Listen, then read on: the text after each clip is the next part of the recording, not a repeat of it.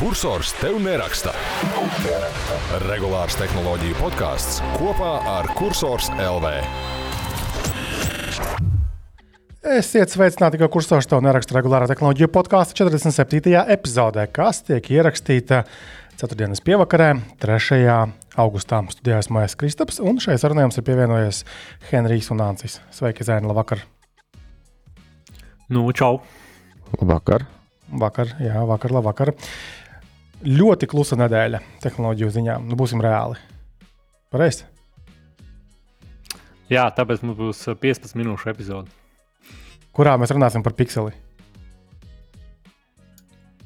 Kur, kur sajūsma? Kurā, Kāpēc kurā tā mēs visā runāsim par pikseli? Protams, Jā. piksels labākais, to līdz Apple uzreiz. O, Beidzot, tu Tas saprati, Anci. Reāli, beidzot, tu saprati, kā darbojas tehnoloģija pasaulē šīs lietas. Cik tev gadus vajadzēja? 72. Jā, Tas vairs nebija nopietni. Pirms tam bija nopietni. es ceru. jā. Bet, eh, bet, ja nopietni, tad eh, beidzot tiešām es izkasījos, uzrakstīju eh, savu tādu īsu atziņu rakstu par eh, Pixel 7 Pro, ko es no sākuma biju lietojis vienu mēnesi, pēc tam divu, pēc tam trīs. Es domāju, ka būs apskats. Pēc tam es sapratu, ka ai, jāpagaida ilgāks laiks, lai varētu nu, tā, godīgi teikt, ka tas ir ilgtermiņa apskats vai pusgada apskats. Un tā tas pusgads arī, arī paskrēja. Un tad jūs sākāt kaut ko zoboties, ka virsrakstiņi ir mums uh, WordPressā. Kursora, bet uh, raksts kā nav, tā nav. Bet, nu, Virsraksti dinamiski mainījās. Bija no sākuma apskats, pēc tam bija pieredze, pēc tam bija ilgtermiņa apskats, pēc tam kā es novecoju kopā. Tur bija daudz visādi. Jā, teiksim, eh, Pixel 7 Pro seniora ikdienā un tāda tipa virsraksti. Bet eh, jāsaka, jā, ka pēdējās nedēļas esmu saņēmies, esmu arī kaut ko beidzot parakstījis, un pašam prieks. Bet tad, kad es uzrakstīju to, to, to atziņu rakstu, tad es uh, nu, turēju rokās to pikseli, blakus stāvēja mans iPhone, kurā bija simkarte. Un tas iPhone tik skumji izskatījās tehniski pret to pikseli, ka vienkārši drūmi bija. Bet es nebiju atrisinājis šīs sakaru problēmas, kas plēnam bija tās galvenais dealbreakeris. Uh, un uh, ņemot vērā, ka bija komentāru sadaļā arī daži tādi ļoti konkrēti ieteikumi, kā varētu mēģināt risināt šo problēmu, paldies lasītājiem par to, tad es nolēmu arī paeksperimentēt. Iesākumā, uh, tajā pašā vakarā, raksta izveidošanas, es uzinstalēju, mē... vispār jā, es mēģināju pirmajā vakarā uzinstalēt Android 14 beta, bet tā kā tas ir Android, tur kaut kas nesanāca. Uh, vienkārši pateica, ka nav, nesen nav sanācis, un tad nākamajā rītā mēģināju vēlreiz, un tad jau viss aizgāja normāli. Jāsaka, ka vizuāli tādu būtisku atšķirību nu, grūti pamanīt.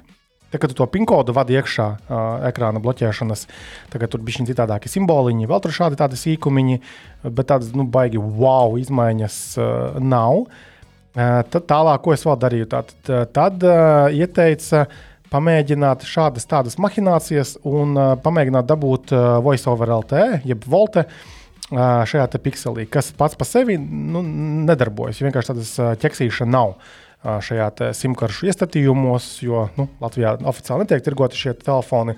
Mēs redzam, Google kaut kur nobloķē mm, šo lietu līdzīgi kā 5G. Nu, jā, tad tur nācās uzinstalēt kaut kādu šīnzuku programmu, pieslēgt uh, ar vadu pie datora, no, data, no datora tad ar ADB palaist uh, kaut kādu tur skriptu, uh, tad uzinstalēt vēl vienu programmu, tad tur vēl pačakarēties, nu, tā kā tamburī no bugunskura padancot, un rezultātā iesatījumu sadaļā parādījās iespēja ieķeksēt šo te voiceover LTE. Un izskatās, ka man bija arī operatora pusē ieķek, nu, kaut ieķeksēts kaut kas manam telefona numuram. Uh, Un pēc telefona restarta, nu, kaut kāda tur trešā vai ceturtā, parādījās uh, iespēja VoiceOver LT izmantot. Tiesa, pikseļu gadījumā uh, Volta nekur nerādās, nekas vispār tam līdzīgs nerādās nu, tur augšā, tajā paziņojumu joslā. Arī ne tad, kad pavelk uz leju drusciņu. Nē, nē, nē, tur kā LTE rādās, tā arī rādās. Un es arī pēc tam pagūlēju un secināju, jā, ka pikseļi tiešām nerāda. Un tad bija tāds loģiskais jautājums, hm, a kā vispār notestēt, eh, vai darbojas tā feature. Uh, nu, es uzvanīju uz citu numuru, pacēlu zvanu un parakstījos internetā. Un uh, LTE nenobira nekur uz leju. Tātad zvana laikā bija internets un bija LTE. Tas nozīmē, ka nu ir pareizi. Nu, Tā tā, tā būt, loģiski. Un tas, ko šodien es pamanīju arī ar kolēģiem, dažiem zvanoties, tātad telefonu grāmatā pie veiktajiem zvaniem, tagad rādās HD, tāds maziņa, maziņa ikoniņa. Tie, laikam, ir tie zvani, kas ir bijuši, ja arī otrā pusē ir volte bijusi ieslēgta. Man liekas, ka HD zvani nav atkarīgi no voltes, bet, Bet- bet es neesmu simtprocentīgi pārliecināts. Bet es pamēģināju ar vairākiem kolēģiem, un ne ar visiem tas HD rādījās. Tas nozīmē, ka tas ir visdrīzāk saistīts ar kaut ko tādu. Tas ir, man liekas, starp, uh, ja tu ar LMT sazvanies, ja tu esi LMT sazvanies ar LMT, tad tur kaut kas aiziet. Un, ja tu esi LMT un sazvanies tur, nezinu, kaut kādu biti vai L2, tad var neaiziet. Bet tas, es arī neesmu. Manuprāt, tas ir volte. Jo tas ir tieši par uh, šo te, uh, nu, high definition audio, viena no lietām. Lūk, Paņēma uz pārsteigumu, bet man, man liekas, ka tas HD voice nav tieši saistīts. Bet nu labi, varbūt, kā, varbūt visādi. Jā, varbūt komentāros kāds var pakomentēt, varbūt no operatora puses, ja kāds klausās, kas tas ir un ar ko es saskaros. Ja vienkārši stāsts ir par to, ka iepriekš nerādījās šāds paziņojums pie dažiem zvaniem, tagad rādās. un Tā ir izmaiņa. Tad es vēl atslēdzu, kā tur bija. Uh, Dual SIM, dual standby. Attiecīgi, tas laikam bija kaut kāda uh, tehnoloģija, kas uh, switchojas starp uh, SIM kartēm. Nu, tā kā viņiem ir divas, viens e-sims, varbūt, un viens fiziskais SIMs. To es atslēdzu, atslēdzu Allow 2G, attiecīgi šo lietu. Uh, un uh, ir ieķeksēts, nu, lai 5G viņš nemēģina tik klāt. Kaut kas no visām šīm lietām, acīm redzot, ir nostrādājis, jo pagaidām no es divas pilnas, nu, trešī, trešā diena lietoju, un vēl man nav bijušas šīs te sakaru problēmas. Te gan ir jāpiezīmē arī tas, ka iepriekš nebija tā, ka katru dienu man bija problēmas. Uh, tāpēc es domāju, ka vēl kaut kādu nedēļu palietošu, un, ja man panākuma ne nedēļu nebūs nereizi šī te sakaru problēma, tad var teikt, ka kāda no šīm lietām, vai nu beta, vai tas dual sim, vai volte, vai kaut kas, ir izlabojuši šo problēmu. Tas būs diezgan forši. Nākamā lieta, ko kā bakstoties tālāk un tur, tur, tur, tur mēģinot to voltu ieslēgt, es atradu vēl vienu pamācību, kā var mēģināt tikt Pixel 7 Pro arī pie 5G. Uh, Tur bija pie tam, tātad, kā var aktivizēt 5G suportētajās valstīs, jeb atbalstītajās un neatbalstītajos reģionos. Vienīgais tad tur būtu bijis jārūto telefonu. Un es īsti neraujos to darīt, tāpēc ka rūtošana, jā, no vienas puses tev dod kaut kādas baigās iespējas, nu, kuras kaut kā ir jāizmanto, no otras puses rada arī problēmas. Kā viena no problēmām es varu pieminēt um, banku lietotnes vai citas lietotnes, kas nu, rūpējas par integritāti savējo visdrīzāk neļaus uh, vai nu palaisties, vai ne, neļaus izmantot biometriju. Uh, Tādas lietas ir redzētas. Es gan atradu jau vēl vienu pamācību kārtējo, kā var no lietotēm noslēpt uh, šo rūtošanas faktu. Tā kā tas ir Android, baby. Tur var visu izdarīt ar viņu. Uh, lūk, tāpēc, ja man brīvdienās nebūs ko darīt, es pamēģināšu tad, šādā piespiedu kārtā arī tikt pie 5G. Tad vai nu es nobrikošu telefonu, un tad es varēšu mierīgi uz sirdī doties atpakaļ pie 11. iPhone, kas man pacietīgi stāv uz galda, vai arī man būs ne tikai Volta, bet arī 5G. Lūk. Tā kā jā, ar Android nekad, nekad nav garlaicīgi. Lūk. Jā, e- es izlasīju, tā tad uh, HD voice tiešām ir saistīts ar uh, volti. Mm. -hmm. Vismaz bija, vismaz bija tā raksta. Bet kā tas ir stāvs starp, starp dažādiem operatoriem, to es vēl ar vienu nesu sapratis un nesu atradis ātrumā.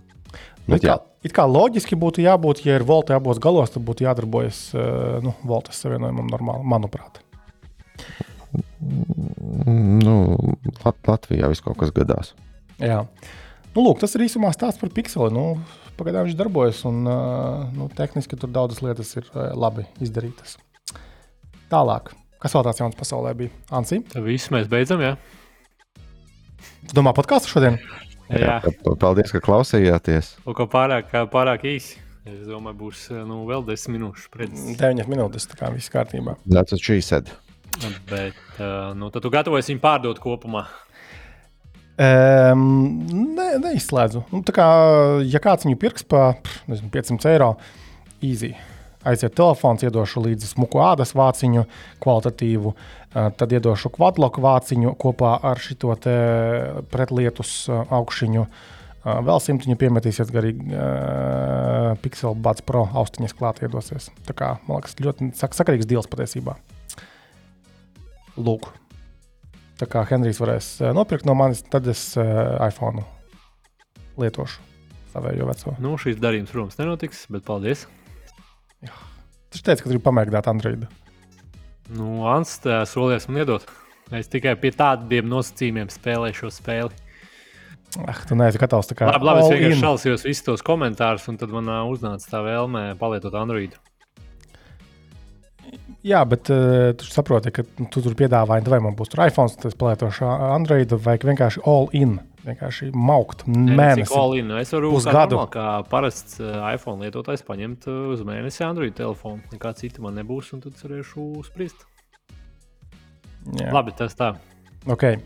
Labi, tālāk, Ansi, tu esi sagatavojis juridisku tēmu par Eiropas Savienības kārtējiem birokrātu panākumiem aiziet.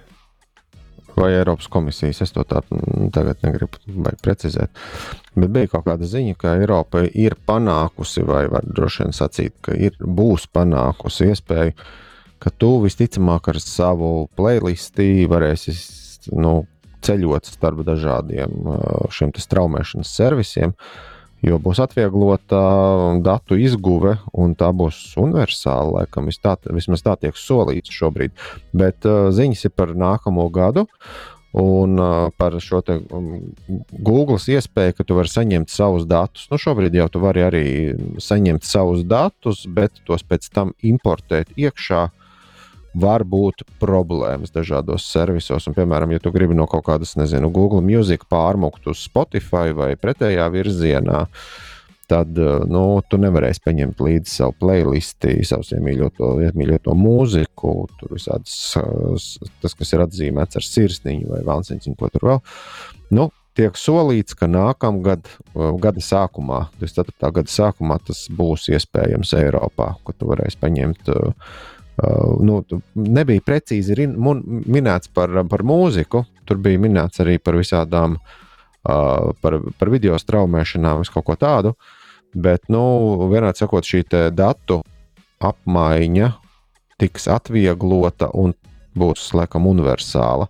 Tur jau bija arī minēts par, par citiem visādiem, uh, par vis, citām visādām iespējām, kur viena no tām bija, ka no Facebook ir šobrīd jau iespējams Google fotos ielādēt uh, fotogrāfijas, nu, nenosēvojot tās uz savu datora vai vietāluņu vai, vai kaut kā tam līdzīga. Tur var ātri pārmest, ka tie uh, nu, servisi ir saistīti. Un šajā gadījumā būs laikam, cik, es, nu, cik varētu noprast, vēl vienkāršāk, ka tu vari izgūt kaut kādu SVF vai kaut ko uz to pusi, nu, kaut kādu mazu, mazu datu apjomu, ko tu vari ielādēt pēc tam Spotify, piemēram, ja tu no YouTube esi izguvis. Un uh, tev būs uh, viss tavs playlists un iemīļotie mākslinieki jau atzīmēti uzreiz Spotify. Kā tas strādās, grūti pateikt, solījumi ir. Bet, nu, nu, cerams, nu, šī, šī būtu forša iespēja, ka tev nav no nulles jāsāk tā kā, tā kā nu, antiņam pilnīgākajam. Jā, man arī liekas, ka tā ir ļoti laba lieta. Zini, kas, ko man šis atgādina?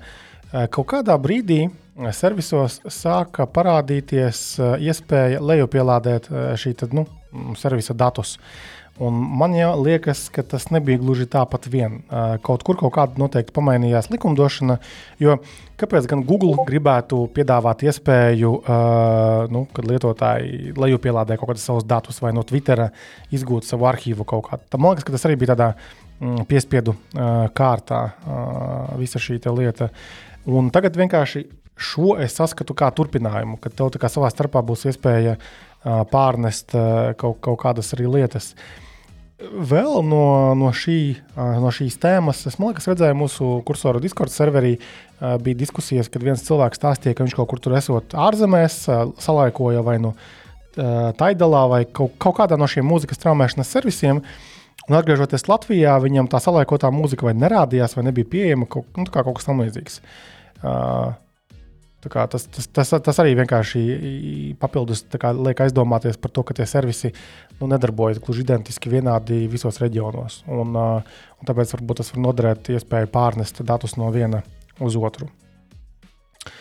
Henrij, ko tu par to domā? Es eh, pārbaudīju, vai mans suns fonā, ko viņš tur dara. Eh, Tas bija pirmais, bet ko es domāju, noteikti būs ērtāk. Tu varēsi pāriet beidzot no Apple Music Ā. uz Android Music. Es lietoju Spotify. Nu, tas ir tāds Android mūzika? Nē, Tu tikko izdomāji, ja? jā. Nē, es maz nelietoju to, bet uh, nu, forši, tā. Bet vispār interesanti, jā, man liekas, atceros, viņš kaut ko teica par to Discord, ko tu teici. Jā, bija kaut kāda, kas saglabās tas playlists, vai arī kaut kur tur bija Jā. saistībā ar to. A, kas ir šis uh, Google uh, alternatīva uh, Spotify? Google Music? YouTube Nē, ir mūzika. jau YouTube Music? uh, aplādes, ne, vai kā viņas saucās. Tur gan ir uh, Google atsevišķs servis. Ne, mums taču pašiem podkāstiem ir. Nē, nē, nē, nē. Podkāsts ir pavisam cits. Ā, tu domā mūzikas traumēšanu? Kas ir tiešākais, tiešākā alternatīva Spotify nu, kā mūzikas? Google Music vai YouTube Music? Kaut kas tur YouTube mainījās. Music. Tagad YouTube, YouTube YouTube Music. Music. Jā, Latvijā kāds viņu izmanto vispār? es. Nu, tas ir saistīts kopā ar uh, YouTube prēmiju. Hans, kurš nopirks caur Indiju, uzsvērs, Vai Argentīna? Latvijā viņi neizmanto. A, tev tikai argentīniešu mūzika tur skan. Uh, argentīnieši, protams, jā, un ping-pong, ping-pong, no Ķīnas un Japānas. Puziko tur nav, ja? Puzi Vispār kaut labs tā. jautājums. Tev taču nav ierobežots kaut kāda piekļuva kaut kam vietējam. Mm, satura ziņā? Jā, Nē, nē, nē, nē. tikai norēķini notiek tur viņa tajos tugrikos, vai es nezinu, kas tā pa valūtu ir. Ok, uh, labi, tad, lai tie birokrāti darbojas par reāli, viņi ir tādi ieskrējušies uh, nu, pēdējā gada stabili. Visu kaut ko izdomā un, un čakarē tos amerikāņus, tur, tur tā kā, tā kā mazus ežus. Un Tālāk par lokālām lietām. Šonadēļ bija tāda preses relīze atsūtīta no mm, NICS, tātad no šī domēnu reģistrātora uh, latviešu.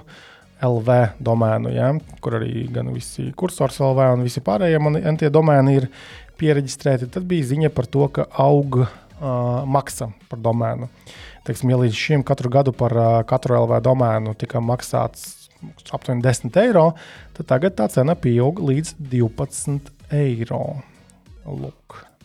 Plus PVN. atkal viena izdevuma. Jā, un viņi arī dievojas, ka, ka tā tad LV domēna 30 gadu pastāvēšanas laikā šī ir pirmā reize, kad tiek paaugstināta cena. Pašā sākumā bija augstāka, tur mūsu naudā tagad 25,5 eiro nepilni, tad kritās līdz 20, tad bija 10, 80, ā, 10 apaļi, un tagad līdz 12. Tā kā Tas nu, nav nekas traks. Nu, labi, ja to vairāk to, to domēnu, man kaut nezinu, 5, 6 ir, tad tas drusku salasās, bet nu, reizi gadā samaksā un miers. Un tur bija arī kopumā pateikts, ka tā tad um, Latvijā mums ir 84,833 reģistrēti uh, LV uh, domēni. Nav nekādas sajēgas daudz vai maz tas ir, vienkārši fakts kā tāds. Nu, lūk, un, uh, līdz 1. septembrim mēs varam paspēt reģistrēt vai apmaksāt ar veco cenu, un tas būs augstāk. Un, tad, protams, tās loģisks jautājums, a, kāpēc dārgāk paliek? Nu, Nīcis skaidro, mm, ka tā tad uh, resursu cenu un normatīvo aktu prasību sloga pieaugums.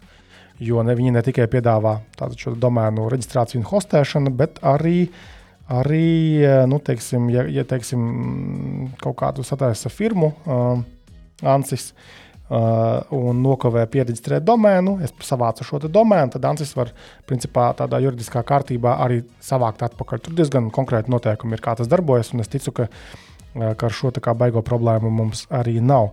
Tas nozīmē, ka nevar biznesu taisīt. Es nopirku šādas mājaslapas, un kāds viņu var beigās dabūt atpakaļ. Ja, ja tas, kuram pienākas šis domēns, nezina par to, ka viņš var dabūt atpakaļ, tad, protams, to biznesu kaut kādā mērā sanāks. Nekur tas mm -hmm. kiberskvotings nav pazudis, un arī, arī LV.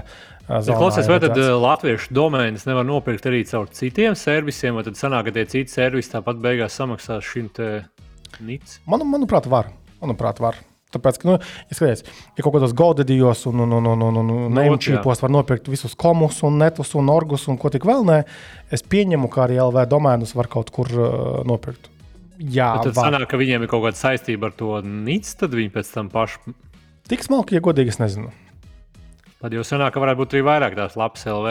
Es vienkārši domāju, kāpēc tad Latvija, nu, tas ir kaut kāds oficiālais. Ja tas viss iet caur NICS, tad gan jau ka viņi zina, cik kopā ir šo lapu. Mhm. Lūk. Un tad vēl viņi, ko, ko viņi plāno ieviest, tātad alternatīvu ārpus tiesas strīdu izšķiršanas procedūru. No, tas ir tieši par to kasīšanos par tiem domēniem, laikam bez tiesas, lai varētu, nu, lai ātrāk un, un, un ālāk. Ā, Un ieviest globālu aizsargājošu rezervāciju. Tātad, ā, preču zīmju turētāju interešu aizsardzībai dažādos valstu un vispārējos augstākā līmeņa domēnos. Lūk, un Vai viņi ir snieguši arī kādu piemēru, ko viņi jau ir izdarījuši iepriekš šajā ziņā? par ko tieši? Nu, par šo nosaukumu aizsardzību.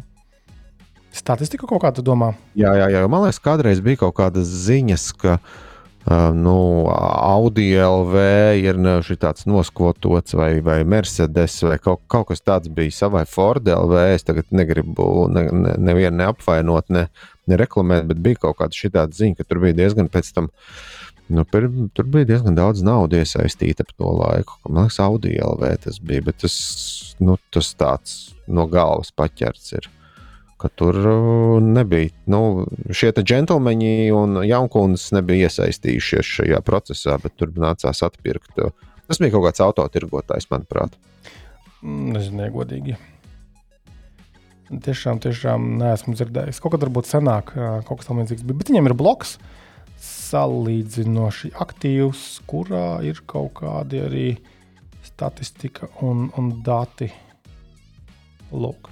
Ok, labi, nu, domēni, domēniem. Uh, tālāk, kas mums vēl bija tāds uh, interesants. Uh, tā, par uh, video spēļu konsolēm mēs kaut kā paliekam parunājamies. Un bija šodien ziņa, ka Lenovo arī gatavo savu pirmo, ja nemaldos. Jā, jā, jā sanāk, ka pirmais viņiem bija vēl plānos iepriekš viena, kas vairāk no klauda ņems. Uh, uh, ierīce, bet tagad ir izziņots Legion Go, kas būs 8 soli arī pārnēsājumā spēļu konsoli un principā varētu sastādīt konkurences Steam Deck.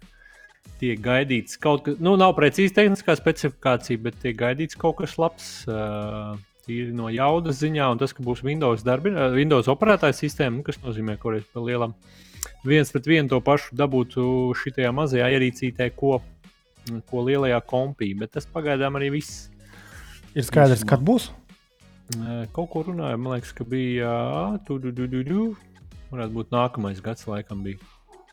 Mm -hmm, okay. kaut, kur, kaut kur tā. Un vispār aktīvā nedēļā man šķiet video spēļu nozarē. Jo arī bija, es domāju, tas viens no lielākajiem ziņām šonadēļ, kad no Discord beidzot varēs straumēt, uh, Discordā varēs straumēt savu Xbox. Pataisno. Spēles. Jā, pataisno. Jo iepriekš, bija, iepriekš vispār nevarēja. Tas bija tikai uh, mobilajām spēlēm un uh, nu, datorspēlēm, kas uz kompja. Tad varēja to balss ziņas uh, padot, kas arī kaut kad, man liekas, kaut kāds pusgads ir. Un tagad varēs beidzot, būs Xbox būs arī pirmā spēļu konsole. Jo arī Placēta to nevar, tad varēs pataisnot no spēles straumēt. Tas ir vēl beta, beta, beta programmai saucās Xbox Insiders, bet uh, jebkurš var uh, pieteikties tai. Tā kā tā. Mm -hmm. Tas man liekas diezgan big deal. Vai kaut kas ir dzirdēts pēdējās nedēļās par to asus spēļu konsoli? Kā kaut kādu lielu blikšķi viņi izziņoja, tad bija birums ar ziņām, ka kaut kas tur buksē, kaut kur baigā ātri izlādējas, un tad fū, klusums. Nekas nav dzirdēts par to konsoli. Tas bija tas, kas māja beigās kaut kad parādījās. Nē, vasarā kaut, kaut kas varētu būt. Mēs arī runājam tieši podkāstā. Es atceros, to teicu, ka. Jā, jo man liekas, ka nekas nav dzirdēts par to konsoli. Nu, ja godīgi tā varētu būt, jāpaskatās. Nu, nu, mums nav atsūtīts kaut kāda vidīka, ir redzēta, bet uh, man liekas, ka. Ah, ah, jā, jā, jā, es sapratu, par ko ir runa. Tātad tur ir tā atšķirība, ka Steam Decks ir, ja nemaldos, uz kaut kādas Linux bāzes, un viņš startējās, šis tas startējās, Steam Decks startējās kā. Nu, ar, ar, ar spēļu konsoles saskarni, bet šī te, uh, Asus Ally vai kaut kā tā tas saucās, konsole startējis ar pilnvērtīgu Windows. Un, un, nu, tur, kamēr tur salādējās, un kamēr tu tur uzstartē, un kamēr tu tur tajā mazajā ekrānā saspaidi ar pirkstiņu, nu, tur nesot viss tik forši. Bet iespējams, es tagad no galvas varētu kļūdīties. Bet, bet man, liekas, ka, man liekas, ka man ir šoreiz taisnība. Jā. Tur mm, iespējams viņi nebija kaut ko pārdomājuši līdz galam, un nu, tur vajadzētu iestartēties, tomēr, lai izskatās pēc spēļu konsoles. Bet, uh, Um, tur kaut kādā veidā. Ko tu vēlaties, ka viņi ir kaut kādā pārstrādē no UI nu, puses? Nu, grūti pateikt, vai tu gribētu 7 vai 8 colīgu Windows redzēt, vai tu gribētu vispār Windows redzēt. Sāksim, nu, sāksim ar to, jā. Nē, ne, nav nevainas. Nav nevainas. Windows. Jā, tā kā nu, iespējams, ka viņiem tur kaut kas ir jāpārstrādā, bet ir arī dzirdēti, jā, visādi šitādi, ka, ka tur ātri lādējas ārā, karst un tā tālāk.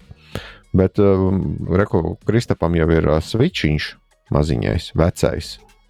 Un tam jau arī ir aktīvā dzēsēšana, un tas arī nav tāds ilg, ilg, super ilgdzīvojošs aparāts un, un, un, un kluss, jā, bet um, var manīt, ka tur tas ventilatoriņš ir iekšā.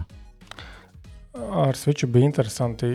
Tad uh, šai ierīcei var uzlikt uh, šo ierobežojumu laika, kur var kontrolēt no mobilās lietotnes. Piemēram, vecākiem telefonā ir lietotne, tā Nintendo tur kas tur ko tur. Uh, un tad var gan redzēt, cik tas bērns un ko viņš rambā tajā konsolē, un ir uzlikt ierobežojumus. Kaut kur startā tur, tur sasēju kopā tās ierīces, uzliku nu, divas stundas dienā, piemēram. Un tad es kaut kā secināju, pagaidi, ja tas jaunais cilvēks visu dienu jau spēlē tā konsoli, vai tiešām viņš ir uzhakojis un switch, un nu, viņš apgājis šo sistēmu. Un es arī tajā lietotnē paskatījos, es redzu, mm, jā, tur 4 stundas, tur kaut kādas 5 stundas ir spēlējis, to Fortnite. Tad man tāds radās jautājums, hmm, kāpēc nu, viņš neaptur to darbību. Un tad es paskatījos vēlreiz iestatījumos, tad nepietiek uzlikt šo limitu. Tev vajag uzlikt vēl vienu ķeksīti, kad pēc tam apstādināt šo spēlēšanu. Un tā kā vienkārši, kāda jēga vispār no, no šīs features? Uh, protams, ka tā kā labi, es saprotu, Nintendo negrib ierobežot vispār savā būtībā. Nu, lai spēlētu cilvēki tās spēlītas. Bet... Nu, viņi tev painformē vismaz. Tu jau zini, ka tas uzlicis. Ko viņi, pa... nē, nē, viņi painformē bērnu. Viņam parādās, laikam, tāds paziņojums, jā, ka tas laiks beidzās. Un, protams, ka sīkais nosvaipo, neko nevienam nepasaka un rambā tālāk to savu Fortnite. Un es vecāks tā arī nesaprotu, kas tur notiek. Tā kā jā, skatāmies, ieliekam to ķeksīti, un tad tiešām pēc divām stundām viss ir jāapstājas. Vismaz pagaidām tā izskatās. Bet uh, nemaz tik ātri neizlādējas. Ja viņš tur tiešām tur tās visu dienu rubīt uh, to, to Fortnite un tā ierīce darbojas, tad tur diezgan viss ir normāli ar bateriju. Jo man jau liekas, ka diezgan resursīga tomēr šāda veida lielās spēles ir. Man gan jautājums, uz cik ierīcēm tavu bērnu spēlē to Fortnite? uz visām. Uz divām. Uh, Places. Places un Switch telefonu laikam arī var uzlikt viņu. Ja? Var. Es, liekas, es mēģināju. Telefonā sākās. Ne? Nav A, normāli neērti. Tā tad es mēģināju uzlikt, bet uh, Samsung S23 plus kaut kādu eroru uzmeta katru reizi. Nu, izsvied ārā no spēles. Tā kā Androids. Androids, reāli. Samsungs! Sūds. Jā. Tā tas bija Henrijs. Tā nevar teikt. Tā nevar teikt. Tur būs skarbi komentāri. Ja mēs aizrunājam, sūdīgi, Android, ja, ja mēs aizrunājamies par Samsung, tad uh, mums bija ziņa šonadēļ, uh, ka tātad Krievijā tiek uzsākta uh, tirdzniecība mm, jauno salokāmo telefonu, un uh, Keitija gatavoja šo ziņu, un tad tur bija stāsts par to, ka Uh, nu, Samsung bija kādreiz dievojušies, ka nu, nē, nē, nē, mēs Krievijā neko netirgojam. Un tāpēc mums parādās uh, mājaslapā jaunās ierīces, iepriekš pārdošanā, tad pie partneriem, tie mobilā sakra operatoriem un vēl kaut kas. Nu, nu, tā, aptuveni tādu ziņu mēs bijām arī sagatavojuši. Uh, ka parādās tirdzniecībā, un tad Samsung bija ļoti nemierā, ka šāda ziņa vispār ir publicēta, ka tas neatbilst faktiem, jo Samsung kā tāds neko netirgo. Uh, un mana izvēle bija neņemt laukā šo ziņu un būtiski nemainīt, tāpēc ka Nu, protams, mēs pielikām to komentāru Samsung, nu, jo tas ir tā godīgi, ja, kad ir mūsu viedoklis, ir, ir Samsung viedoklis. Bet eh, tā kā mums nav absolūti nekādas iespējas pārbaudīt un noskaidrot simtprocentīgi, eh, ka Samsung nu, eh, nepalīdz caur citiem kanāliem šos produktus savējos dabūt iekšā Krievijā, tad es īsti negribu pūst vienā stabulē, ko mums laipni piedāvātu Samsung. Tā, citiem vārdiem sakot, nu, Es neesmu līdz 100% drošs, ka Samsungam nav nekādas vispār saistības ar tām ierīcēm, Samsung un tiem produktiem, kas tomēr līdz Krievijai nonāk. Nu, būsim reāli. Visi meklē kaut kādus veidus, viņu lieta tomēr ir biznesa, tirgot savas ierīces ražotās, un Krievijai nav mazs tirgus. Lai vai kādas tur sankcijas un vispārējais. Tā kā tas tāds interesants. Nu, vispār baigais precedents, ja godīgi. Tā tad pilnīgi... es Es paskatījos Samsung.com slīpsvītra RU. Ir informācija par vismaz Zīflip 5, kas pie mums ir Flip 5. Jā. Uh, bet pašā, pašā augšā ir maziņš melns uzrakstīns, ka šajā momentā prece netiek piedāvāta uh, pasūtīšanai uh, saitā Samsung.com slīpsvītra RU. Nu, informācija ir, bet pasūtīt caur šo vietni kas ir Samsung oficiālā, nevar. Tā, tā tur izskatās. Tātad tas ļauj uzņēmumam būt it kā simtprocentīgi baltam un pūkainam, kā mēs taču nepiedāvājam mūsu mājaslapā. Lūk. Bet viņiem nav arī veidu, kā Mājaslap- pierādīt, ka, jā. ka citos veidos uh, netiek tirgots. Lūk. Un mēs jau arī rakstā neteicām, ka Samsung paši tirgo, partneri tirgo, uzņēmumi, citi komersanti, kas kaut kur nezinu, atrod lauka vidū kasti ar šiem salokāmajiem telefoniem, piemēram. Nu, Visādi taču mēs gadīties šajā pasaulē. Labi, konspirāciju teorijas, konspirāciju teorijām. Kas mums bija vēl tāds interesants? Par spēlēm bija kaut kas? Man liekas, ka nebija nekas tāds vairāk. Būs Final Fantasy 14 uz Xbox. Tas, es saprotu, arī diezgan big deal. Tas ir kaut viena Final Fantasy spēlējis. Tu kā tāds Nē, es neesmu. Man šitie. nu, kā, nu, nu, tāda tu, tu kaut kā tu poteru man- spēlē. Tas ir pasaku. Poteris spēlē, bet man šitie Final Fantasy, kur ir, eh, kā lai to nosauc, es nezinu, Āzijas briesmoņi. Nu, kaut kā man tā saistās. Man nesaistās Final Fantasy. Nav nekad tā uzrunājis. Kaut kad būtu jāpamēģina, bet es neesmu drošs. Kurš tas ir 14. jau pēc kārtas? Jā, nu, ne, viņš jau vispār diezgan sen iznācis. Jā, viņam vienkārši tāda update iet, un tas arī būs uz Xbox. Jā. A, kā būtu jāspēlē? Tā kā būtu jāspēlē nu, jau, jau nākot Pirmais. 14. vai sākot no 1. Tas ir līdzīgi tā kā ar tām Star Wars fi filmām. Es arī kaut kādā apzinīgā vecumā domāju, nu, vai tu tā skatīšos uz to brīdi, jo bija kāds, nezinu, sešas filmas vai cik ir. Un tur ir arī tāds ā, Ir labs jautājums. Jā, kā, Tā kādā jāskatās. secībā jāskatās. jā, Un neobligāti 1, 2, 3, 4, 5, 6 tieši tā. Ir Tieši tā jā. pareizā secībā. Eh, Bet es pamēģināju pirmo, un eh, teiksim, modernajā pasaulē tik smagi gāja ar to oldschoolīgo filmu. Es nevarēju noskatīties viņu visu. Es laikam neesmu tik liels fanāts šai zvaigžņu sāgai, eh, ka ne, es, es nevarēju tikt ar to no, naivo video, teiksim tā, un tiem specifektiem, amizantajiem. Es esmu vīlies, bet labi, es tev piedošu. Tas viss redzējis. Protams, kāds divas reizes, un trīs. Kādā secībā? Uh, es skatos vienmēr chronoloģiskā. A, kā, No, a, kā būtu pareizi skatīties? Es domāju, ka chronoloģiski, bet nu, pirm, pirmā daļa, otrā, trešā, ceturtā, piektā, sestā, septītā, astotā, devītā. Bet uh, man patīk arī tā ideja, ka var piemēram noskatīties nu, to 4, 5, 6, kas ilgu laiku bija mūsdienīgās. Tad tu zini to vidusdaļu, un tad tev ir interesanti skatīties, kā tas viss sākās. Un Tāda teorija arī bija. Tad būtu tā kā ja pēc 4. 5. būtu atkal pirmā jāskatās. Pirmā, otrā, trešā, jā, tad tu zini to nu, kā, tā kā tādā veidā, kā, kā ir tur audzis ļaunums attīstījies. Mm -hmm. okay, labi. Un tas Ā, ir geeks stuff. Jā, jā, jā. Bet par Final Fantasy es domāju, ka tas jau droši vien tā kā Diablo, tu vari jebkuru daļu ņemt, spēlēt. Ja tev interesē, un tu baigi iekšā, tad tu vari paspēlēt droši vien tās pirmās, bet tur jau vairāk uh, viņi jau vienu otru aizstāja, ne? Kaut kā tā drīzāk. Zini, kā pirmo, otro diablo tādam cilvēkam no malas, kas neko nav darījis ar diablo, es īsti neieteiktu.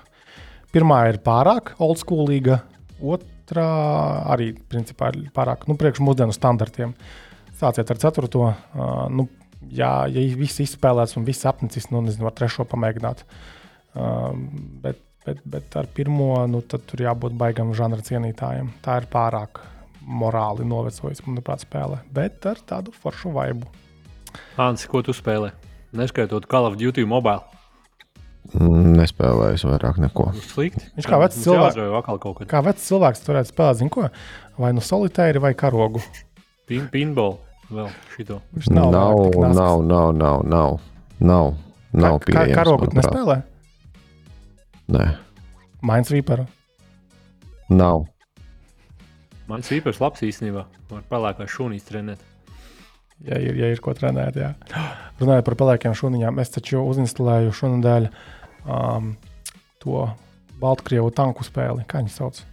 World of Tanks. To, ko visi cilvēki jau 20 gadus ir izspēlējuši. taču online, ne?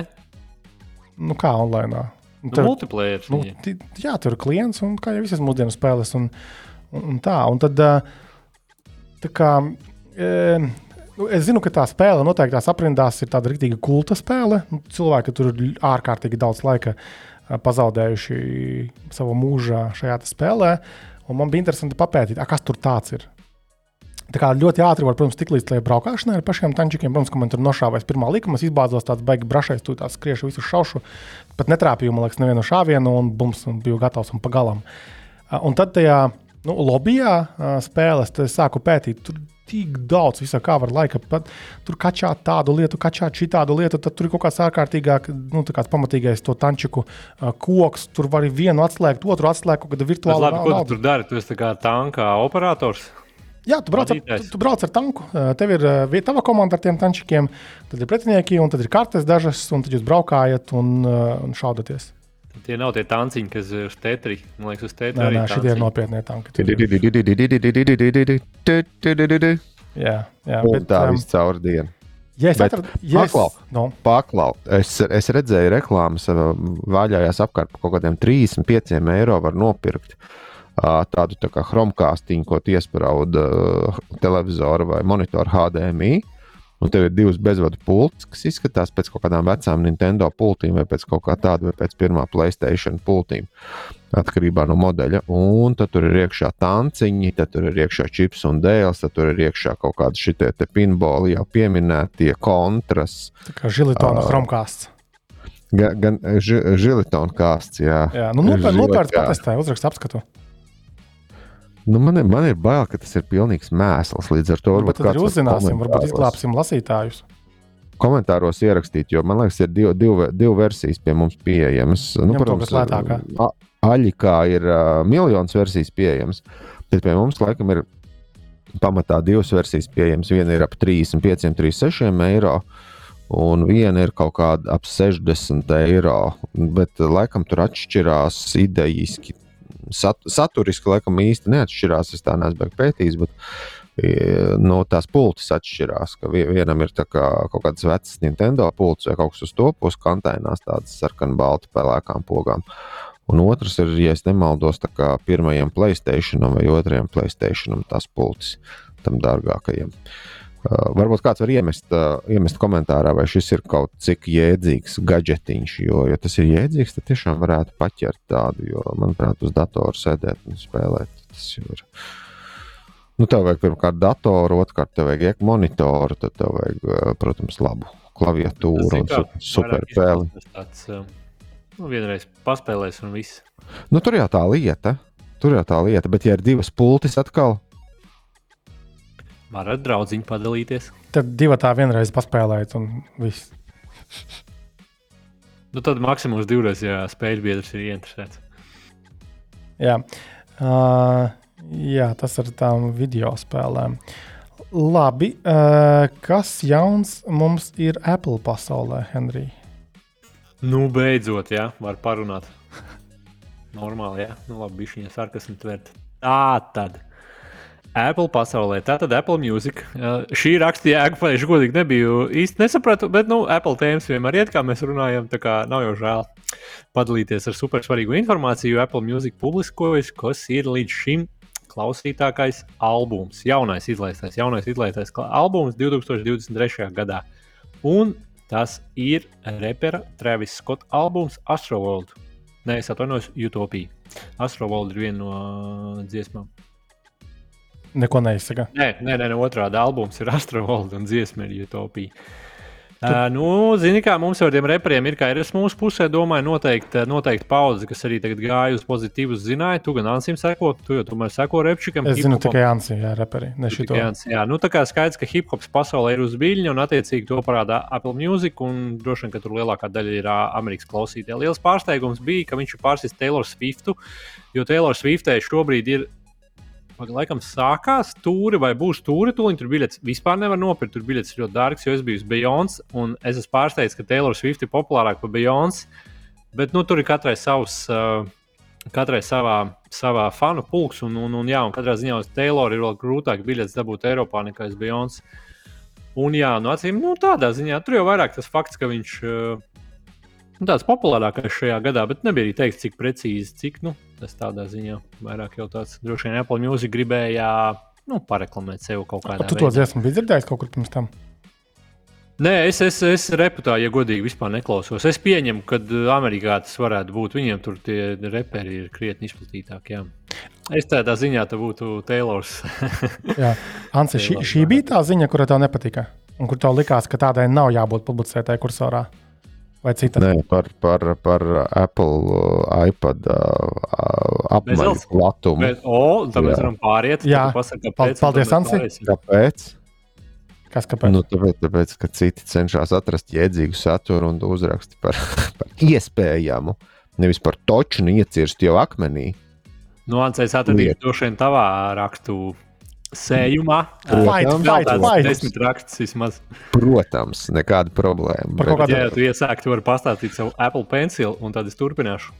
Kas ir ar Apple Pencil? Ah, par to ekrānu nomaiņu. Jā. Jā, tur kaut kādā Britānijā bija nomainījuši uh, sasista oriģinālā iPad ekrānu, aizvietojuši ar tā paša modeļa uh, iPad ekrānu, kas ir lietots, bet nav sasists. Tam, tam otram iPadam bija kaut kāds cits problēmas, to es neatceros, vai tas nebija minēts. Un uh, šajā mirklī, kad Šajā mirklī, kad ir uh, vienam iPadam ielikts otrā iPada, bet viss oriģināls, uh, viss detaļas oriģināls, ekrāns, tad uh, Apple Pencil vairs uz šī te, nu, kopā saliktā Frankensteina, nav Frankensteina iPads, vairs nezīmē taisnu līniju. Un tas bija atklājās, ka tas ir saistīts ar, ar šo aizsardzību, ko Apple ir sabūvējusi iekšā. Tas jau sen ir zināms, ka, ka tur nevarēja uh, ekrānus samainīt, un tad nestrādāja pirkstu nospiedumi, un tur vēl kaut kas nestrādāja pēc tam ar šo aizsardzību, ko Apple ir iecepis iekšā, lai, nu, nu, lai vienkārši cilvēki iet uz, uz viņu šo oficiālajiem uh, servisiem un uh, nemāžotos apkārt. Nu, mūsdienās iPadiem laik, un, un iPhone'iem un tā tālāk. Tur jau ir problēmas salikt arī, kā, kā manuprāt, uh, Kristaps pagājušajā reizē teica par šiem te akumulatoriem, kur viņš gribēja nomainīt. un Tad, Kurš lodēt ir gatavs? jā, jā, viņš ir gatavs lodēt, un spridzināt un dedzināt. Un, tu pasaki saviem kaimiņiem no sākuma, ka tu gribi likt tie akumulātori lodēt mājās vai metināt, laikam, tā ne jau- metināšana. Tā ne jau Teslas akumulators gribu iPhone ielikt čilāks, tur nekas traks īpaši nevar notikt. Jā, bet man liekas, ka jebkurš uh, litija akumulators degot nav tas pats foršākais, ko tu vari mājās. Uh, nu, tur tas tad nevajag ar to nodarboties. Tur laikam tev vajag uh, smilšu spāni un, un kaut ko tur vēl. Un Gudīgi vispār, viņš kabatā sāk degt. nu, tad piecepās pie cīskas. Jā, bet nu, tas, tas, Ir tas, redzētas arī tādas tas- bildes. tas ir mirklis, ka, ko tu neesi ietekmējis. Bet, ja tu pats tā kā trakais mājās ņem un mēģini ar šo punktu metināšanu vai punktu lodēšanu, nezinu, kā tas tehniski pareizi saucās. Mēģināt tur piesmiet to litiju akumulātoru un aizšauj garām, vai, kā, vai, vai tur nepiereizā temperatūra, vai Ai, kas nu un sajies. Nu. sajies. Bet Tu pirmkārt tu piezvani savam apdrošinātājam, un tad ieliec savā šajā mājas chatiņā, un tad uzreiz dzinkt. Un tā kā sāk kūpēt, nu tad tā viss skaidrs. Par tiem displejiem, labi, kā tu to iezīmēji, ziņa tā, it kā Apple būtu vienīgie vainīgie un, un tikai peļņas nolūkos viņi šādi dara.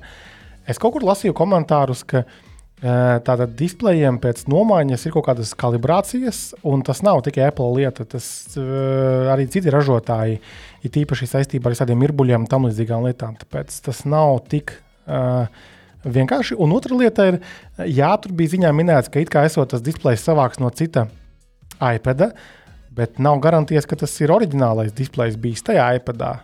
Tā kā pārāk daudz tur, man liekas, ir neskaidro lietu šajā visā stāstā. Bet šī bija pilnīgi, pilnīgi jēdzīga ziņa.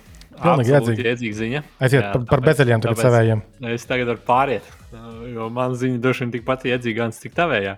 Es domāju, vēl svarīgāk, tā tad ir parādījušās kārtējās baumas, jā, ka arī iPados tiks izmantota tehnoloģija, kas tiek, tiek, tiks, vai, nu, tiek jau izmantota iPhone 15 Pro modeļa ražošanā, jo vispār ir sākts ražot iPhone 15 modeļus Šodien jau.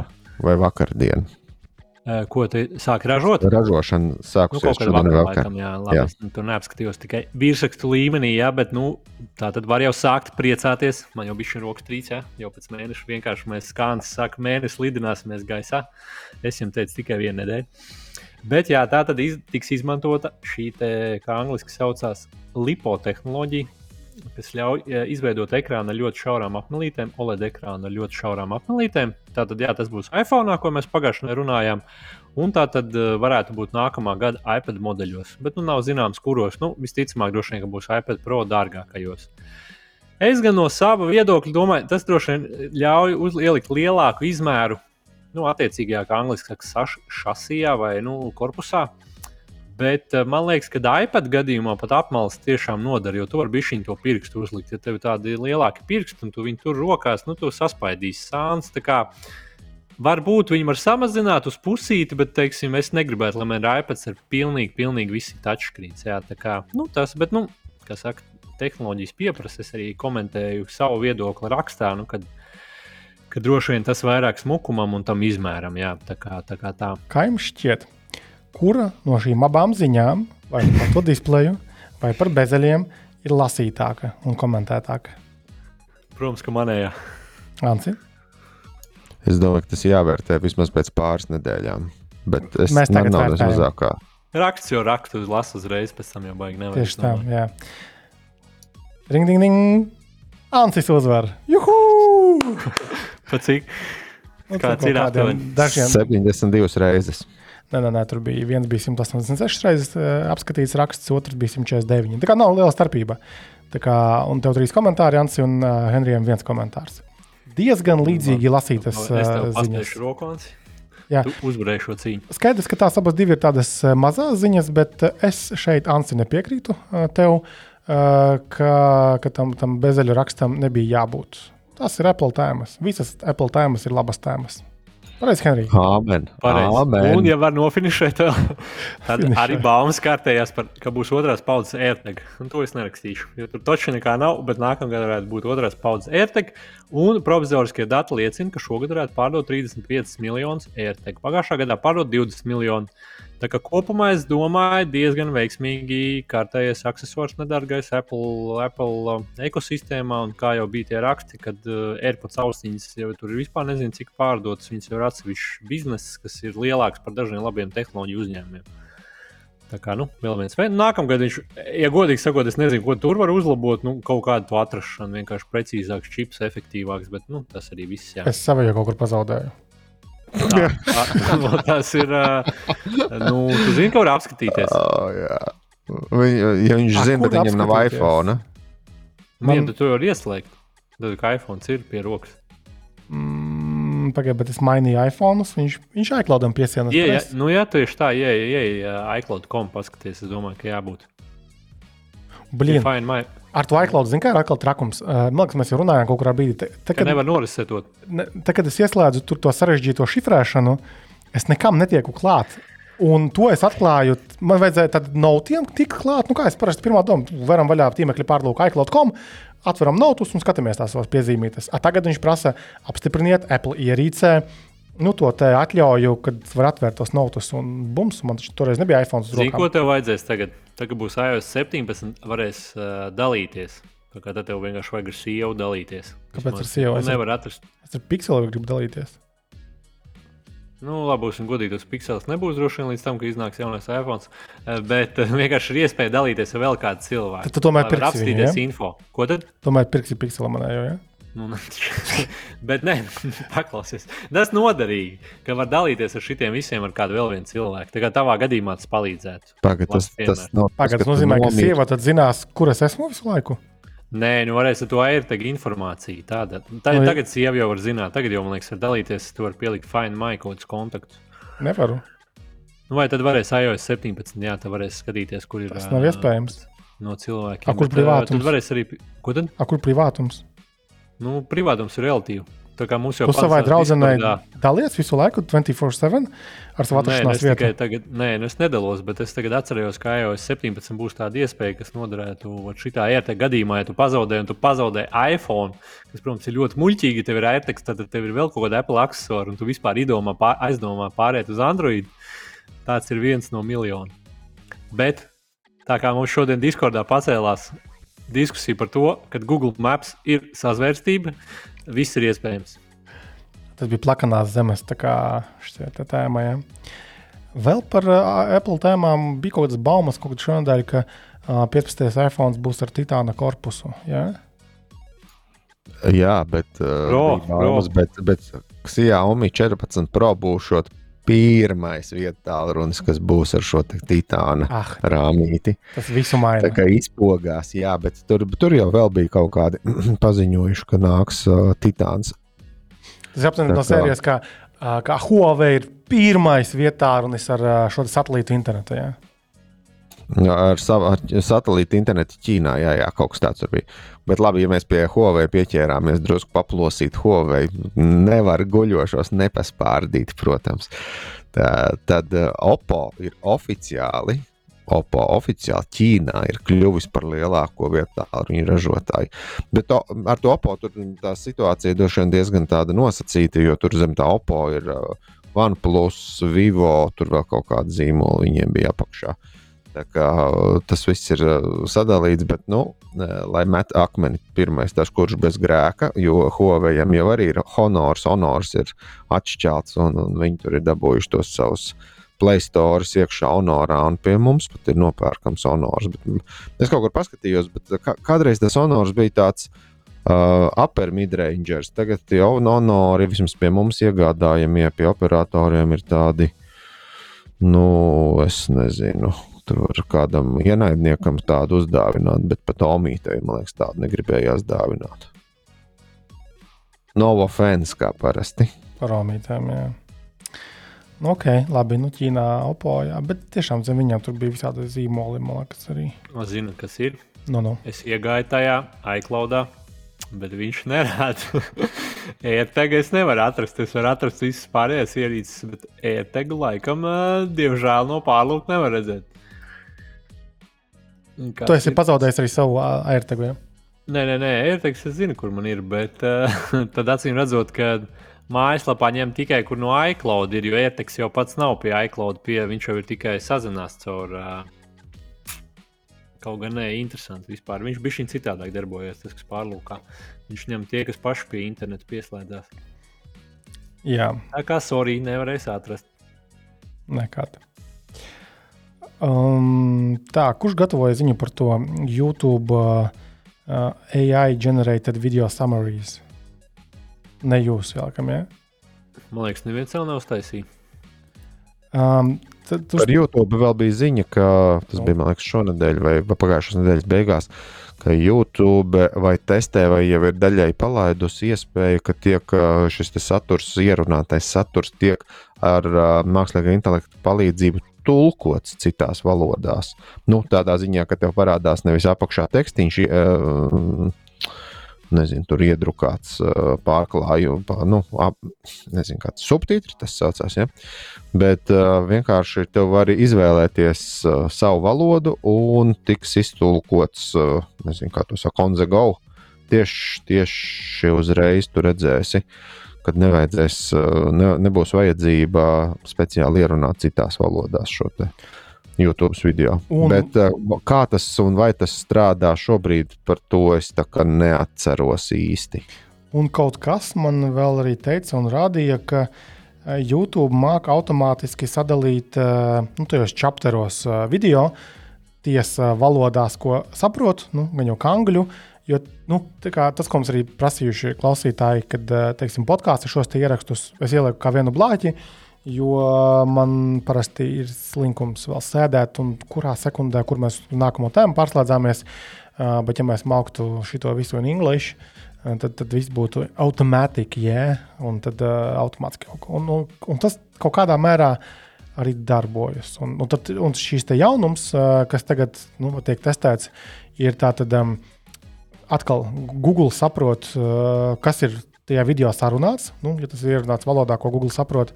Un uh, tad automātiski spēja sagatavot tādu īsu video apkopojumu, palielam teksta formātā, uh, par ko tas ir. Nu, tāds video summary. Nu, tā, tā ir tā features būtība. Man liekas, ka diezgan noderīgi kaut kādā mērā. Nu, baigas linkumā mēs te aizējām. Briesmīgi. Mēs RSS Mēs virsrakstus tikai izlasām un, un gūstam ļoti aptuvenu iespaidu. Tas ir līmenis. Tā tiek izplatīta dezinformācija un un vienkārši labs piemērs, ka vajag vienmēr analizēt avotus. un kritiskā domāšana attīstīt. Kas tur bija par, um, par to ziņu, ka Apple, Pixar un Nvidia ir apvienojušies kaut kādā aliansē, apvienībā kārtējā, uh, ka tātad grib standartizēt um, 3D ekosistēmu. Kaut kāda Alliance for Open USD, lai kas tas arī nebūtu. Uh, tātad um, tas ir kaut kādā mērā saistīts gan jau ar visām šīm te, uh, virtuālajām tehnoloģijām, virtuālajām pasaulītēm. Uh, tad tur bija tāda ziņa, vēl, kāpēc Apple tur iesaistās, nu, jo viņi taisa savas ļoti proprietārijas sistēmas, nu, ko tikai viņi var tikt klāt. Bet arī bija tajā rakstā skaidrots, ko es lasīju, ka nu, nav jau arī tik traki. Jā, protams, Apple dos priekšroku kaut kādām savām tehnoloģijām, bet diezgan aktīvi Apple arī iesaistās kaut kādās tādās publiski pieejamās tehnoloģijās. Un, protams, ka tagad viņiem tuvojas šis Vision Pro uh, virtuālās papildinātās realitātes ierīce. Un, acīm redzot, viņi grib, nu, ja ne tikai turēt roku uz pulsa šajā virzienā, bet arī ietekmēt kaut ko, kaut ko veidot.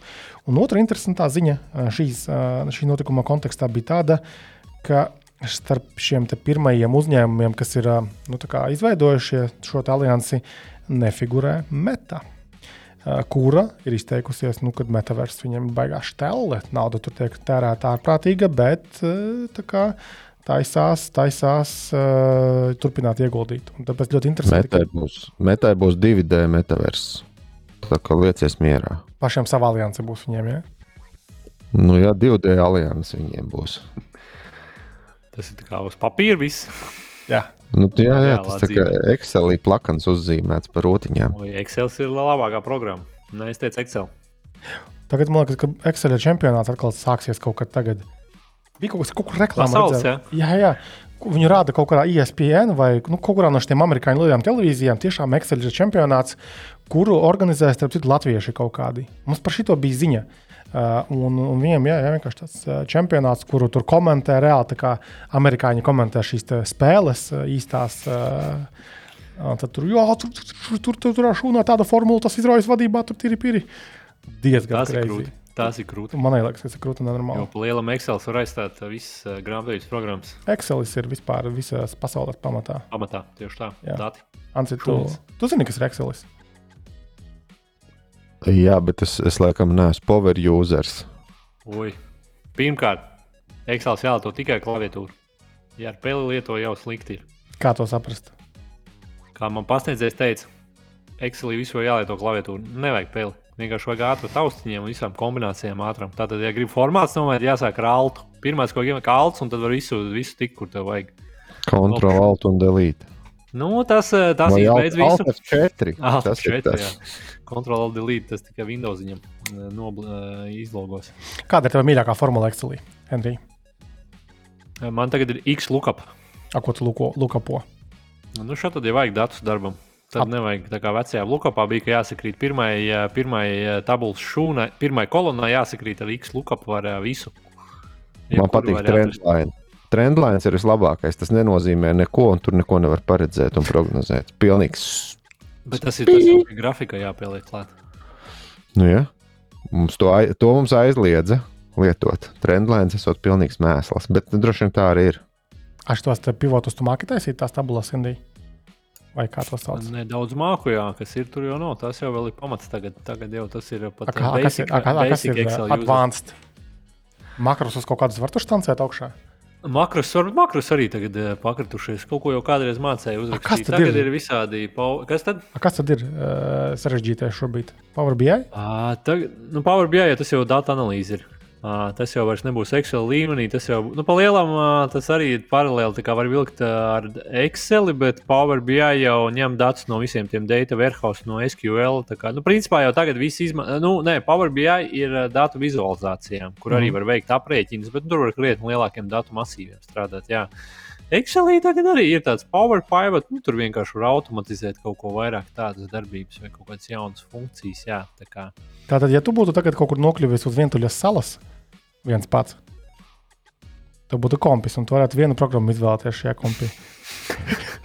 Tas būtu Nu, Excel. tomēr es paliku pie interneta. Bet Pornhubs. Nē, pie Excel, tāpēc, ka caur Excel arī var pieslēgties pie interneta. Kā? Jā, Pa lielam jau. Pornhubā? Nu, nu? Nē, nu, Vizualizēt grafikos kaut ko. Vizual, vizualizēt grafikas. Nu, bet uh, skaitļi var būt arī seksīgi. Jā. Ew, ew, ew. Es uh, mūsu sveķis. Uh, es es viņi uh, Excel. Šausmīgi. Es šausmīgi sen Excel tur nebūs. Uh, tur spread, bet tas nav legs. Es, na- nav svarīgi.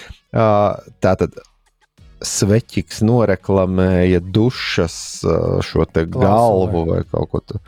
Kas uh, stimulē sieviešu tur visādus orgānus. un Tas, ot, tas man, ot šito te. Tu tādu gribi, jā? Tad- Nē, nu, kaut jau uz vientuļas tāds salas tu nonāktu, tu gribētu šādu klausuli sev. Un, un, un man, man, nē, nē, mani vairāk aizķer tas, var, varbūt nesau, ne, nejauksim to, kas cilvēki, kas man nepazīst, varbūt jauks manu ā, taupību ar skopumu. Bet šim šeit dušas galvā bija rakstīts, ka uh, tieši, vai, tieši, vai vispār, vai tieši šajā masāžas uh, pro, procedūras tajā režīmā tiek tā, taupīts ūdens. Un ka tu tur, ja, ja tu izbaudi šo iešanu dušā pats ar sevi, pati ar sevi, tad uh, tu neiztērēsi vairāk ūdeni, kā vienkārši mazgājoties. Lūk, tas ir tas, kas man patika. Tas eko, eko tas piesitiens. Nē, nu tagad ekoloģija un ekonomija ir viena no lietām, ar ko var tirgot arī dažādas šādas ierīces. Jā. Tieši tā, un, un apšļākt sevi ar augstu ūdeni, tu tur var apsaldēt, un tad tur jā, jādzer ir uh, dze- dzērveņu sula tonnām. Tas nav tas. Jā. Ok, labi. Uh, vēl par tādām skumjām lietām. Atcerieties, bija pirms uh, vairākiem gadiem uh, tas stāsts, ka Uber uh, notrieca mm, velosipēdisti. Jā, laikam, jā. Un uh, kura gāja bojā. Un tur bija tas uh, tā interesants, nu, nu, kā interesants. Tā zīmīgā lieta, ka tas ir pirmais pašbraucošais, uh, pašbraucošā auto gadījums, nu, kad uh, ir nāvējuši notriekts uh, gājējs. Jo to velosipēdu viņa stūma pāri ielai kaut, kaut kādos apstākļos, un tad auto uzbrauca virsū. Un šonadēļ bija ziņa tāda, ka uh, tā tad. Uh, Uber nu, darbiniece vai kontraktore, kā, kā viņa tur tehniski skaitās, kas sēdēja pie stūra šai mašīnai, kurai bija jābūt uh, ausīm un acīm, un jāizvairās no šādas problēmas, kaut ko nofēloja, vai viņa tur telefonā bakstījās, vai kas tur bija. Un tad, respektīvi, viņa ir atzinusi savu vainu un uh, notiesāta, un tagad viņai ir uh, tātad, uh, trīs gadi probācija. Cietumā gluži laikam viņa neies. Jā. Bet, nu, jā, tad, tātad, Uh, nu jā, tā arī tur teikts, ka believed to be the first fatal collision involving a self-driving car. Lūk, paskatieties, cik daudz gadus vajag. Nu, tā īstenībā ir interesanta ziņa. To arī stāstīja lielajos uh, Mēdījos, jā. sabiedriskajos mēdījos. Jā, ja tā padomā, tad tas ir interesants koncepts, kas, uh, kas notiktu šādā gadījumā. Jā, ja teiksim, mēs iedomātos, ka mums ir pašbraucošās mašīnas un tomēr notiek kaut kāda avārija vai, vai letāls gadījums. Interesantais ir tas, ka ja tagad ir pagājuši tādi nu, pieci gadi. Un par šiem pieciem gadiem es neesmu dzirdējis tādas aktīvas diskusijas, kā juridiski, kā, kas ir vainīgs. Ja? Tad tas, kurš sēdēja pie stūres, auto programmatūra vai autoražotājs, kurš ir nu, juridiskā virzienā, man liekas, nekas nav pakustējies īsti. Tās arī ja, pašbraucošās mašīnas gan nekur īsti baigi nav pakustējušās. Nu, ka- Tas drīzāk uzsvers uz to. Bet labi, kā tad iedomājies, ja programmatūra vainos, tad eh, nezinu, uzņēmumu vadītāji ņems. Nu, ražotājs, ja Mercedes notriec, tad Mercedes maksā. Nevis, ja tu sēžot pie Mercedes stūres, notriec, tad tu, tu maksā vai Domā cietumā. tikai maksās. A, Jā, bet uh, redz, problēma jau ir tā, ka uzņēmums nevar būt nu, kā tu saki, s- subjekts uh, krimināla Tiesības. sūdzībai. Mhm. tad tu, tur, tur arī, ja tu, ja tu bišķi pabaksti to gājēji, tad tur viena lieta, ja tu viņu nobrauc pavisam un pārbrauc pāri un divreiz pārliecinies, vai tas ir beigts, vai tas ir beigts. Tad atkal tā ir cita runa. Nu, kaut kā. Man liekas, ka tas, tas ir atkarīgs no, no katras valsts. Un, nu, ne, nu, protams, šīs lietas nav super atkarīgas no katras valsts, bet tur var būt visādas nianses. Bet, uh, manuprāt, uh, š, par konkrēto ziņu par Uber, tur iespējams, ka tur jau bija skaidrs, ka nebūs jāsēž cietumā, un tad kāds kādam iespējams kaut ko bija samaksājis vai iešķiebis, un tad tur tika Jā, jā. atzīt. Ubers ir samaksājis šīs bojā gājušās ģimenei, n- tā kā tad nenosauktu summu. Kā jau Amerikā Jā, jā, tas ir pierasts, tur viņi Uber samaksāja arī tai kundzītei, kas tur it kā sēdēja pie stūres, lai viņi uzņemtos atbildību, lai nebūtu atbildība uzņēmumam vai šim pašbraucošai tehnoloģijai. Vai. Jā, jo 19. gadā tātad Arizonas, kas ir Prosecutors Office, attiecīgi laikam tie, kas var uh, izvirzīt tiesāšanai, tad mēģināja arī Uberam piesiet bumbas, uh, nu, jo sērijas, ka tādi viņi tur nepieskatīja šos te braucēju, kaut kādas nepareizas procedūras ir bijušas, nu, kas man liekas, ir nu, loģiski. Bet kaut kā tas viss tomēr izspruka Ubers no visa šī stāsta. Lūk. Vēl bija tāda interesanta, kaut kur redzēju virsrakstu, nu, kā jau minēju, RSS virsrakstos, ka Uber īsti nekur nav pazudis, uh, un lifts lēnā garā izplēna. Un uh, nav vairs tik liels spēlētājs šajā takšu jomā kā Uber. Jo Uber ir tā smuki uz Uber Eats pārgājis, uz vēl kaut kādām visādiem papildus pakalpojumiem, nu, kad nav takša viņiem tāds vienīgais pakalpojums, kas palicis. Tiesa mūsu pusē, nu, viņi mēģināja parādīties, uh, un nav tā, ka visur, visās, visos tirgos un visās valstīs ir Uber izplaties. Tā kā Bolts mums izplatās Eiropā. Visur un visur. Mm, par Boltu runājot. Uh, Bolt Drive Teslas būs. Kurš man šito iemeta ziņu? Kaut kas man iemeta ziņu, uh, ka bija. Tas jau tu tev insiders baigais, nav dzirdēts. Kaut kur bija bildes, redzēju arī uh, zaļi. Zaļi, zaļi Teslas, kad ne modeli Y, bariņš stāvēja. Tas nozīmē, ka kaut kad Boltrēvā būs arī Teslas. Gan jau būs ciparīgs, Tas būs konkurence. Nieks šodien bija, man liekas, kaut kur robežu pagastā vai kaut kas tāds bija ziņa, ka bija džentlmeņi aizbraukuši pēc uh, pāris gramiem kokaīna un Vairāk nekā pāris kilogramiem. Kā lūdzu? Tur bija vairāk nekā pāris grami. Tur bija normāli. Ko- Kokaīns bija pāris grami, bet tas otrs, tas, kas tur bija. Mm, Velna milti. Vēl nezinu, kaut kas, kaut kas neesmu tik, ne man tas tik ļoti interesēja. Ar Bolt drive Nemaz. mašīnīti. Ja? Jā, Džeki bija aizbraukuši ar boltu pakaļ. Kā kāds mūks, geokašings, sēņķis. Super. Tas bija kaut kur drēliņu mežā, netālu no manis. Eh, Bet es tur nebiju. Tā kā nevajag. Jā, tad, nē, nē, es tas nebiju. Jau Ne? papīra tīri, jā. Jā, jā tieši tā. Pagaidām. Jā, jā. Ok, tā, paskatieties, kā mēs te peldam smuki no klausulēm, or, orgasmiskām līdz narkotikām un visu pārējo. Skaisti. Šīs tehnoloģijas reāli ir vienojošais visā šajā stāstā. Kas mums tāds vēl bija? Interesants. Lai Jānis pastāsta par Samsung. uh, Un kad uh, S23 modelīti A, kas tur bija? Kvalitāte samazināta. Par ko jūs runājat, lūdzu?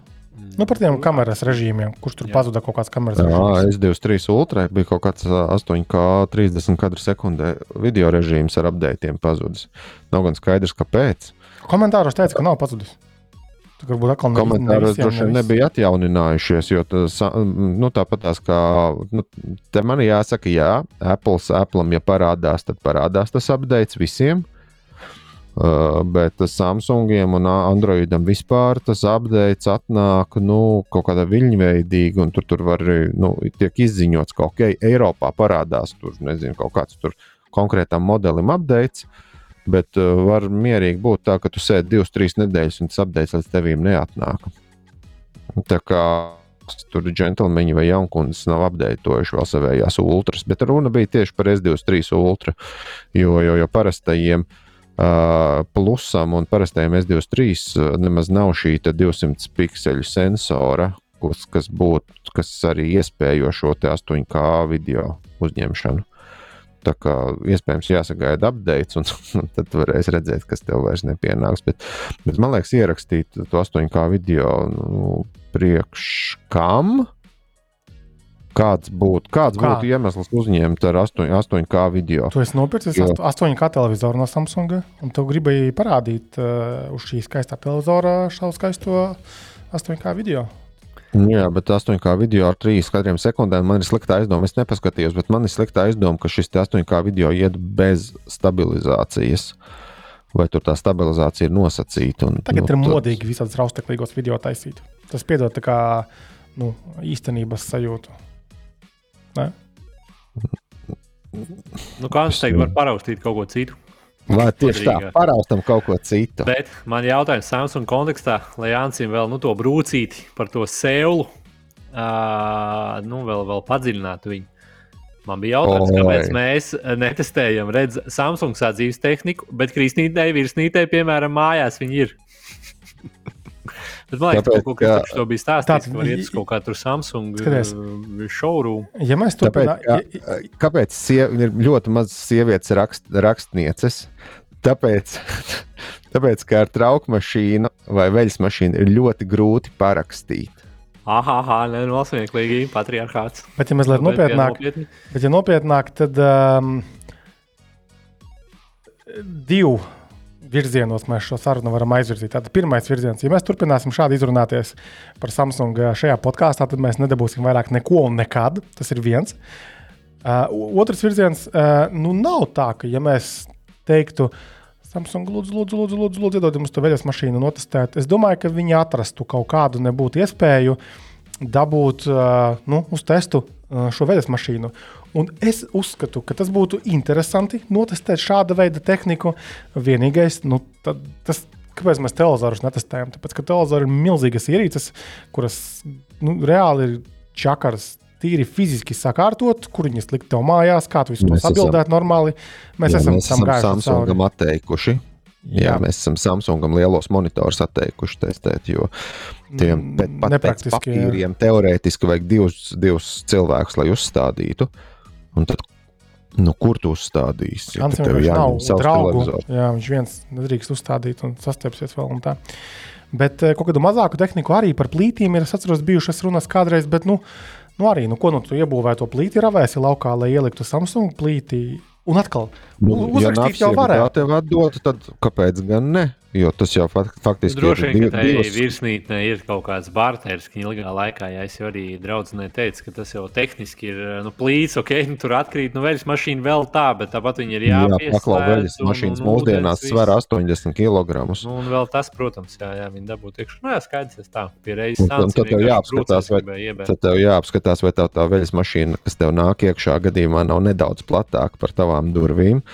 Jo mūsdienās tās, kas ir tās žāvējošās veļas mašīnas, tev ir jā, bišķi jāpieskata, vai tev gadījumā tās durvis vansistabā nav tomēr 55 cm platas, bet tā veļas mašīna ir nu, tur, nezinu, 58 vai 60 cm. Nu, un Tas tad, tad izrādās, rāmīgi izcelt laukā. Un, jā, jā, un palauz drusku vai ne, reģipsīti un, un, un, un kas tu tur vai ne? Nieki. jā, ko tik nedarīs apskata dēļ. Lūk, bet jā, nu, tehniski tā kā varētu. Un, un būtu ko rakstīt. Tā ir ļoti normāla tēma, bet, ot, diemžēl, tas ir nu, grūti. Nu, praktiskā ziņā. Lūk.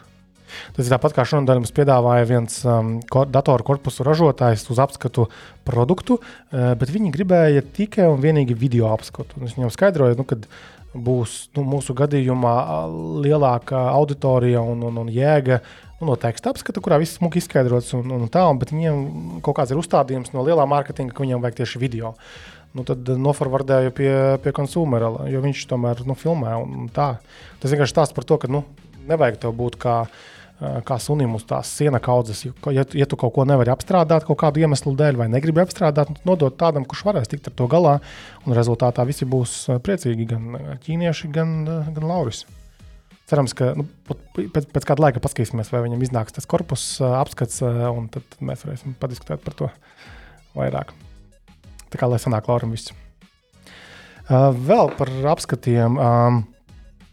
Nē, esmu aizgādājis Ansim testa ierīces kaut kādu bariņu, bet šodien mēs publicējām Jurģa sagatavoto uh, Asus Zenfone 10 apskatu. Es redzu, ka tur jau komentāri sāk veidoties, un uh, tā ir interesanta ierīce.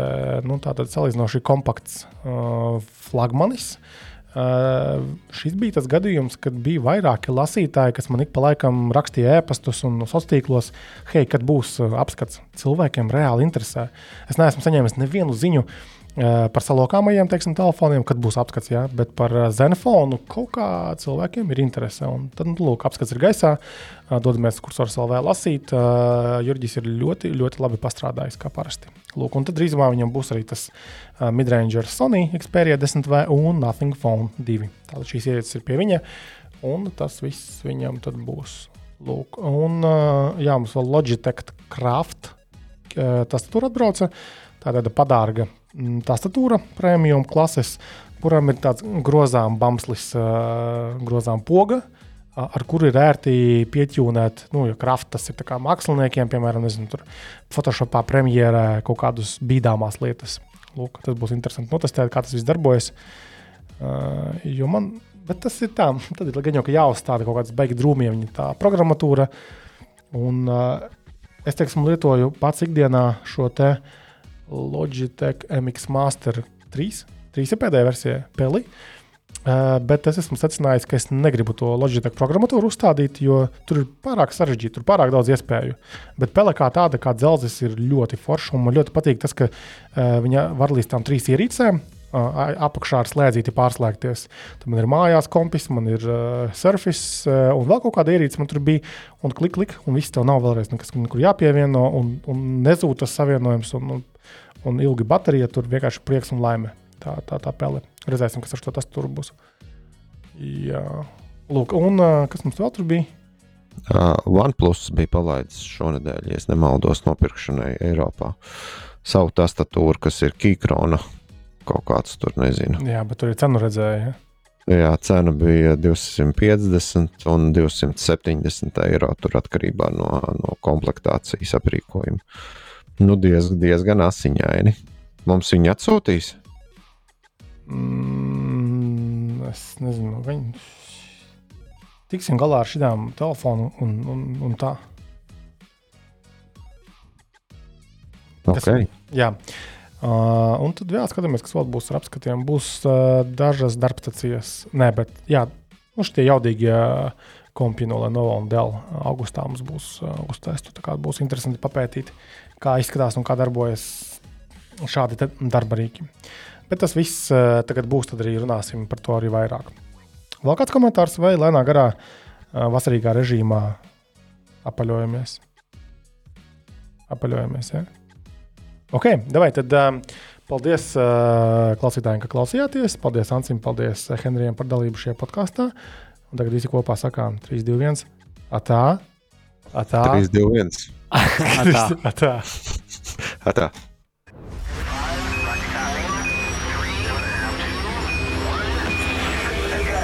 Ko kursors tev neraksta?